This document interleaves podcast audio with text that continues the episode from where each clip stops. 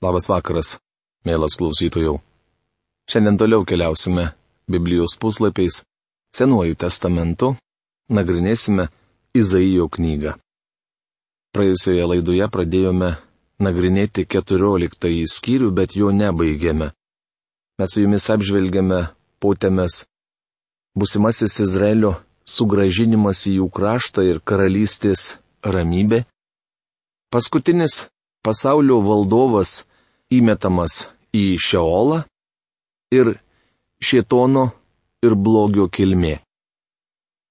Šiandien po maldos pratesime šios skyriaus apžvalgą ir nagrinėsime temos dalį busimasis Babilono maištas. Bet prieš tai, kaip esame pratę, paveskime save Dievui, kad galėtume išgirsti jo mums skirtus šiai dienai pamokymus. Dangaus Dieve, mes dėkojame tau, kad šį vakarą dėl Kristaus Jėzaus mes galime ateiti prie tavo malonės ir gailestingumo sausto. Dėkojame tau už didį išgelbėjimą, kurį turime jame. Ir dėkojame tau, kad prisiliesdami prie tavo žodžio galime girdėti tave prabylantį į mūsų širdis ir mūsų protus. Prašom, padėk suprasti tai, ką šiandien skaitysime ir padėk supratus dvasinius principus pritaikyti praktiškai savo gyvenime. Meldžiame Jėzaus vardu. Amen. Taigi busimasis Babilono maištas. Visi tautų karaliai guli garbingai, kiekvienas savo kape. Izaijo knygos 14 skyriaus 18 eilutė. Babiloną valdė Šietonas. Evangelijos pagal Luką ketvirtos skyriaus penktoje septintoje eilutėse rašoma, kad jis siūlė viešpačių Jėzui šio pasaulio karalystės. Babilonas priklausė Šietonui. Ir ne vien jis. Velnes valdo visas šio pasaulio karalystės. Akivaizdu, kad ateityje Babilone rinksis Dievui priešiškos tautos. Pakelsiu prieš juos, kalba galybių viešpats.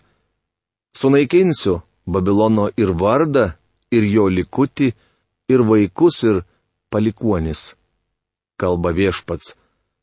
Paversiu jį ežių valda, pažliugusią balą, nušluosiu jį pražūties šluotą, kalba galybių viešpats. Izaijo knygos 14 skyriaus 22-23 eilutės. Jei kada matėte Babilono nuotraukas, pripažinsite, kad šios eilutės išsipildė pažodžiui. Nors ir kitoje vietoje Babilonas bus atstatytas. Jis vėl bus pasaulio valdžios centras ir dievui grūmojantis Babelio bokštas. Dievas vėl pakils teisti ir tai bus galutinis teismas. Mums atskleistos šios didžios tiesos, kad žinotume, kas vyks ateityje.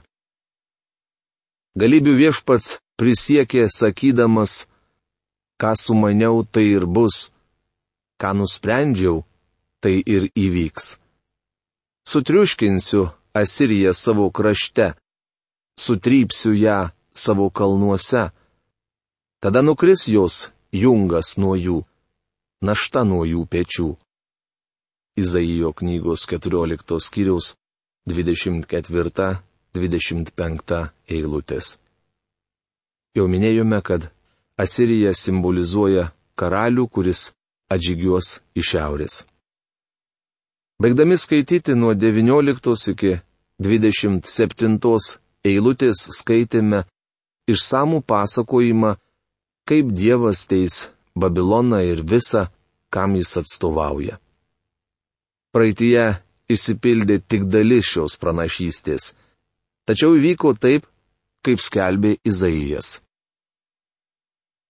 Palestinos išsižadėjimas. Tais metais, kai mirė karalius Ahazas, buvo paskelbta šį ištarmė.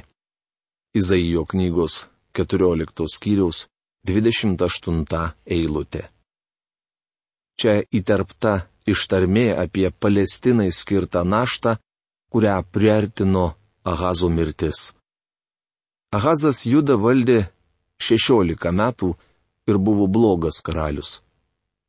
Žmonės jautė, kad jo sostą gali paveldėti kitas blogas karalius, tačiau džiaugiasi Ahazo atsikratę. Visi tikėjusi, kad jo įpėdinis bus geras karalius. Beje, taip ir buvo. Filistijos gyventojai, jūs plakęs vėzdas sulaužytas, bet jums nėra ko džiūgauti. Iš nugaišusio žalčio šaknies išdyks dar piktesnė angis. Jo palikuonis skrajojantis slibinas. Izaijo knygos 14 skyrius 29 eilutė. Po Ahazo mirties kraštą valdė du geri karaliai, bet po jų jude pradėjo viešpatauti patys blogiausi valdovai. Žmonės turi suprasti, kad vien žmogaus valdymas nepataisys pasaulio. Regis mūsų šalyje galvojama, kad pasikeitus valdančiai partijai arba prezidentui, gyvenimas pagerės. Partijos ir žmonės keičiasi, bet pagerėjimo kaip nėra, taip nėra.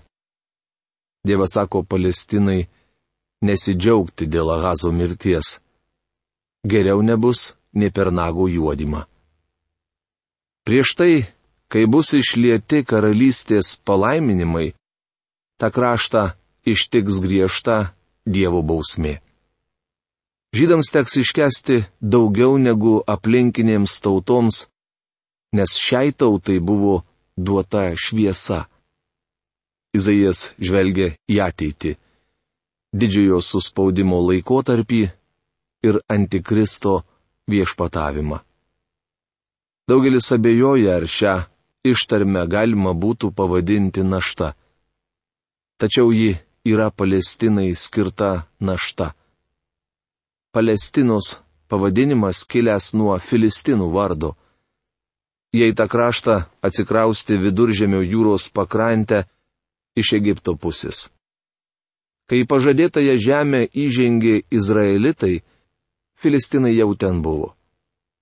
Abromo dienomis tikriausiai jų tenai nebuvo, nes tuo met krašte gyveno kanaaniečiai. Kai Izraelio vaikai sugrįžo į pažadėtą į kraštą po keturių šimtų metų, ten jau gyveno Filistinai. Sofonijo ir Zacharijo knygose užrašytos pranašystės, kuriuose kalbama apie du konkrečius Filistijos miestus - Aždodą ir Aškeloną. Jų laukė sunaikinimas. Pranašystės išsipildė pažodžiui. Šiame skyriuje nuo 30 iki 32 eilutės smulkiai aprašoma ši kraupi bausmė. Izaijo knygos 15 ir 16 skyriai. Tema - Moabo našta. Šiame ir 16 Izaijo knygos skyriuose skaitysime trečią ištarmę, kuri skirta Moabui. Gali pasirodyti truputį keista, kad šiai ištarmiai skirti du Izaijo knygos skyriai. Kaip prisimenate, Ištarmė galingiausiai valstybei Babilonui užima tiek pačios knygos skyrių. Lyginant su Babilonu, Moabas mums gali atrodyti kaip nykštukas. Reikia pasakyti, kad Izaijo dienomis šis kraštas buvo labai reikšmingas. Nuo Davido laikų Moabo karalystė buvo didelė ir garsi. Moabitų tauta kilo iš Loto, vyresnėjai dukrai, sugulus su savo tėvu. Nesantuokinis, bjaurios kraujomaišos keliu gimęs sūnus Moabas tapo Moabitų protėviu. Ši užkėtėjusi ir atkakli tauta buvo Izraelio priešas. Apimtas baimės jų karalius Balakas samdė pranašą Biliamą, kad šis prakeiktų Izraelitus, keliaujančius per Moabo kraštą. Rūtos knygoje pasakojama graži istorija apie nuostabę Moabitę moterį vardu Rūta. Buazo ir Rūtos sunaus Jobedo palikuonis Jese buvo Davido tėvas. Taigi karalius Davidas buvo pusiau mobitas. Kai Saulis ėmė persekioti Davidą, pastarasis savo tėvą ir motiną perkelė į Moabą. Šiandien Moabo karalystės nebėra. Tuomet kyla klausimas, kas yra šio laikiniai Moabitai? Mano nuomonė, jie simbolizuoja tuos, kurie sakosi esą Dievo vaikai, bet neturi gyvo ryšio su juo. Apie tai rašoma laiško hebrajams 12 skyriaus 8 eilutėje. Moabitai panašiai kaip Feliksas ir Festas buvo beveik įtikinti. Gyvendami Dievo tautos kaiminystėje jie prisartino prie karalystės, tačiau netapo jos dalimi ir Dievo pasiekėjais šio laikinius muabitus nesunku atskirti. Jie lanko bažnyčią ir sakosi esą krikščionys. Apaštalas Paulius antro laiško Timotiejui trečios skyriaus penktoje eilutėje patarė saugotis tokių žmonių, kurie dedasi maldingi, bet yra atsižadėję maldingumo jėgos. Judo laiško 16 eilutėje skaitome, Jie visada niurzga, nepatenkinti savo dalę, gyvena geismais. Jų lūpos kalba puikybės žodžius. Jie pataikauja žmonėms dėl pelno. Šiuolaikiniai muabitai yra bedieviai. Jie dedasi esą maldingi, tačiau tokie nėra. Kai šie žmonės nori ką nors gauti, meilikaudami jūs liaupsina, bet vos tik sužino, nieko negausia, tuoj pat nusigrėžė. Moabas buvo pavojingas draugas. Jis niekada nebuvo patikimas Izraelio sąjungininkas. Staigus Moabo sunaikinimas. Ištarmė apie Moabą. Aktą naktį, kai Aro miestas buvo apiplėštas, Moabas buvo sunaikintas. Ak tą naktį, kai Kiro miestas buvo apiplėštas, Moabas buvo sunaikintas. Izaijo knygos 15 skyriaus pirmą eilutę. Žodžiai tą naktį reiškia, kad bausmė Moabą užgriuvo staiga. Siekiant pabrėžti, jog audra tautą ištiko netikėtai, ši frazė pakartojama du kartus. Asirija pakilo naktį ir moabitai aušros nebesulaukė. Asirai sunaikino šią tautą labai greitai ir žiauriai, tarsi Moabakas būtų nušlabęs nuo žemės paviršiaus. Šioje eilutėje minimas Kiras yra Kerako miestas kalno viršūnėje, maždaug 16 km nuo pietrytinio negyvosios jūros kranto. Dibono gyventojai lipa verkti į aukštumų alką. Muabo žmonės klykia iš širdgėlos dėl nebojo ir medebos likimų. Visų galvos plikos, visų barzdos nukirptos. Izaijo knygos 15 skyriaus antra eilutė. Čia paminėti keli tikriausiai daugeliui nežinomi vietovardžiai aukštumų alkas greičiausiai yra tame krašte stovėjusi Kemošo šventykla. Dibonas buvo miestelis rytinėje Jordano pusėje, kur buvo rastas Moabito akmuo. Nebojas yra kalnas, nuo kurio Mozė žvelgė į pažadėtą į kraštą. Jozuės knygos 13 skyriaus 16 eilutėje rašoma, kad Medeba buvo Rubenui priklausęs miestas. Visi šie miestai ir vietovės Izaijo dienomis priklausė sunaikinimui pasmerktiems muabitams. Nors jie ir sakėsi pažįsta bei garbina gyvą ir tikrą Dievą, tačiau lankė stabmeldžių šventyklas, pašvestas pagonių dievams. Žmonės gatvėse vilkė šutines, dėjoja ir verkia, ant stogų ir aikštėse, visi plūsta ašaromis. Izaijo knygos 15 skyriaus 3 eilutė. Kai lankiausi Amane Jordanijoje, mane apėmė nenusakomas jausmas. Tai iš tiesų keista vietovė. Dabar tas kraštas labai skurdus, tačiau Izaijo dienomis jis buvo turtingas. Jaučiausi taip tarsi Dievo bausmė vis dar kybotų virš tos vietos. Pranašas gailisi Cuaru. Moabo teismas buvo toks griežtas, kad sukrėtė net Izaiją. Mano širdis verkia dėl Moabo. Jo bėgliai pasiekė net Suarą, Eglat Šelišyje. Vieni Luhito keliu kopė verkdami, kiti ant kelio į Horonaimus, klykia iš sielvarto. Izaijo knygos 15 skyriaus 5 eilutė. Nors Moabas buvo Izraelio priešas, Izaijas užjaučia šią tautą dėl ištikusios bausmės. Tai parodo Dievo širdį. Nors šiandien žmonės daro nuodėmes, Dievas vis viena juos myli. Jei tik mūsų tauta atsigręžtų į jį, Dievas parodytų savo gailestingumą.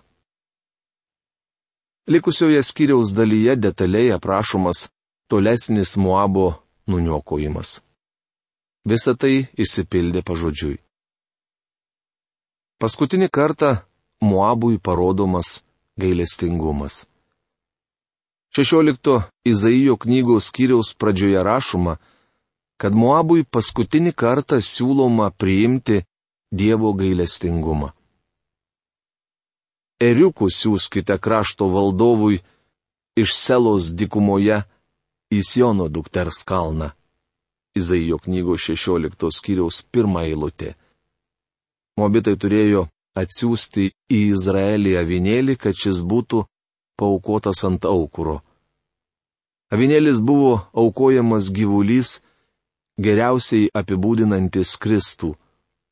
Evangelijos pagal Joną pirmos skyriaus 29 eilutėje Kristus vadinamas Dievo avinėliu, kuris naikina pasaulio nuodėmę. Jeigu muabitai būtų nusiuntę avinėlį, tai būtų reiškia, jog jie pripažįsta Izraelio Dievą. Tačiau Moabo gyventojai to nepadarė, nes norėjo būti religingi Dievo akivaizdoje nepripažindami aukštesnės valios ir savo nuodėmingumo. Tai buvo jų didžioji nuodėmė. Moabo dukterys būriuojasi prie Arnono brastų, kaip išbaidyti paukščiai, kaip jaunikliai išmesti iš lizdo. Izaijo knygos 16 skyriaus antra eilutė. Kadangi man teko perbristi Arnono upę, manau, kad ją geriau vadinti ne upe, o upeliu. Šis upelis tikrai negalėjo apsaugoti muabitų nuo asirų. Taigi ten jie ir pateko į priešų rankas. Sostas bus saugus dėl ištikimos meilės Davido palapinėje. Jame sėdės ištikimas teisėjas, siekiantis teisingumo ir stropiai vykdantis teisumą.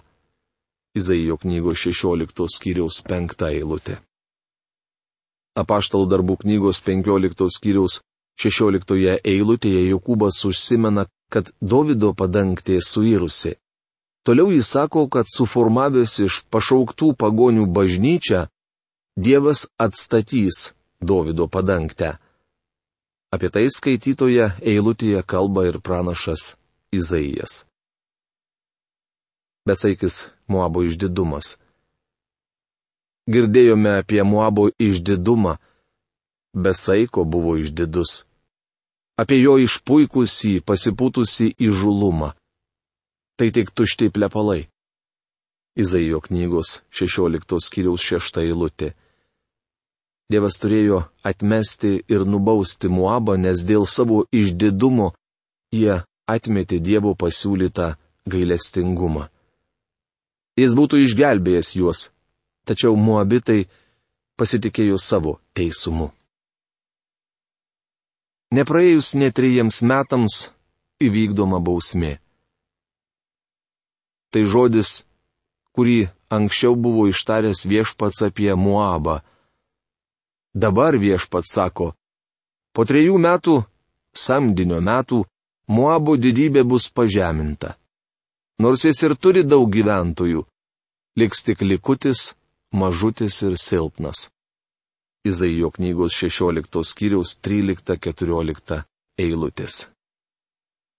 Kalbėdamas apie tautas susijusias su Izraeliu, Dievas mini konkretų laikotarpį, ko niekada nedaro kalbėdamas apie bažnyčią. Jis sako, jog po trejų metų Moabitus pažemins. Taip ir įvyko. Nepraėjus netrijiems metams Dievas panaudojo Asiriją ir sunaikino juos. Dėl Moabo gyventojų didybės juos ištiko Dievo bausmė. Aušros sūnus Luciferis taip pat išpuiko. Jis norėjo iškelti savo sostą viršum Dievo sosto, įkurti savo uždarą karalystę ir būti nepriklausomas nuo Dievo. Iš esmės to siekia ir liberali teologija. Kadangi žmonės yra išdidus, jie atmeta Dievo žodį ir jo apreiškimą. Daugeliui primtinesnė pasidaryk pats religija. Žmonės nori padaryti ką nors, kad būtų išgelbėti, nes tai pamalonina jų puikybę. Dažnai bažnyčios nariai kaltinami veidmainiškumu, savanaudiškumu ir net bedieviškumu. Šie dalykai atsiranda dėl širdies puikybės. Izaijo knygos 53 skyriaus 6 eilutėje rašoma, mes pakrikome lygavys, kiekvienas eidamas savo keliu. Maba ištiko bausmė. Šios užmirštos tautos istorija turėtų mums būti gera pamoka. Mielas mūsų laidų klausytojau, o kaip su jūsų teisumu? Galbūt ir jūs nusistatėte savo teisumą, kuris šiandien ne visiškai atitinka Dievo žodį, o jeigu būtume tikslesni, tai visiškai netitinka tai, kas rašoma šventajame žodyje. Viešpatės keliai ir jo mintys, kaip rašoma žodėje, visiškai skirtingi nuo tų minčių ir kelių, kuriais dažnai vaikštume mes žmonės. Tam, kad pažintume jo kelius, visų pirma mums reikia nusigręžti nuo mūsų valdančios nuodėmės. Paprašyti jo atleidimo ir pripažinti jį savo gyvenimo valdovu. Mums reikia atsiversti šią knygą ne kart kartėmis, bet kasdien. Maitintis mums paliktų žodžiu ir būti vedamiems prie gyvybės vandens šaltinių. Šiais palinkėjimais ir norėčiau užbaigti šios dienos laidą. Iki greito pasimatymo. Sudė.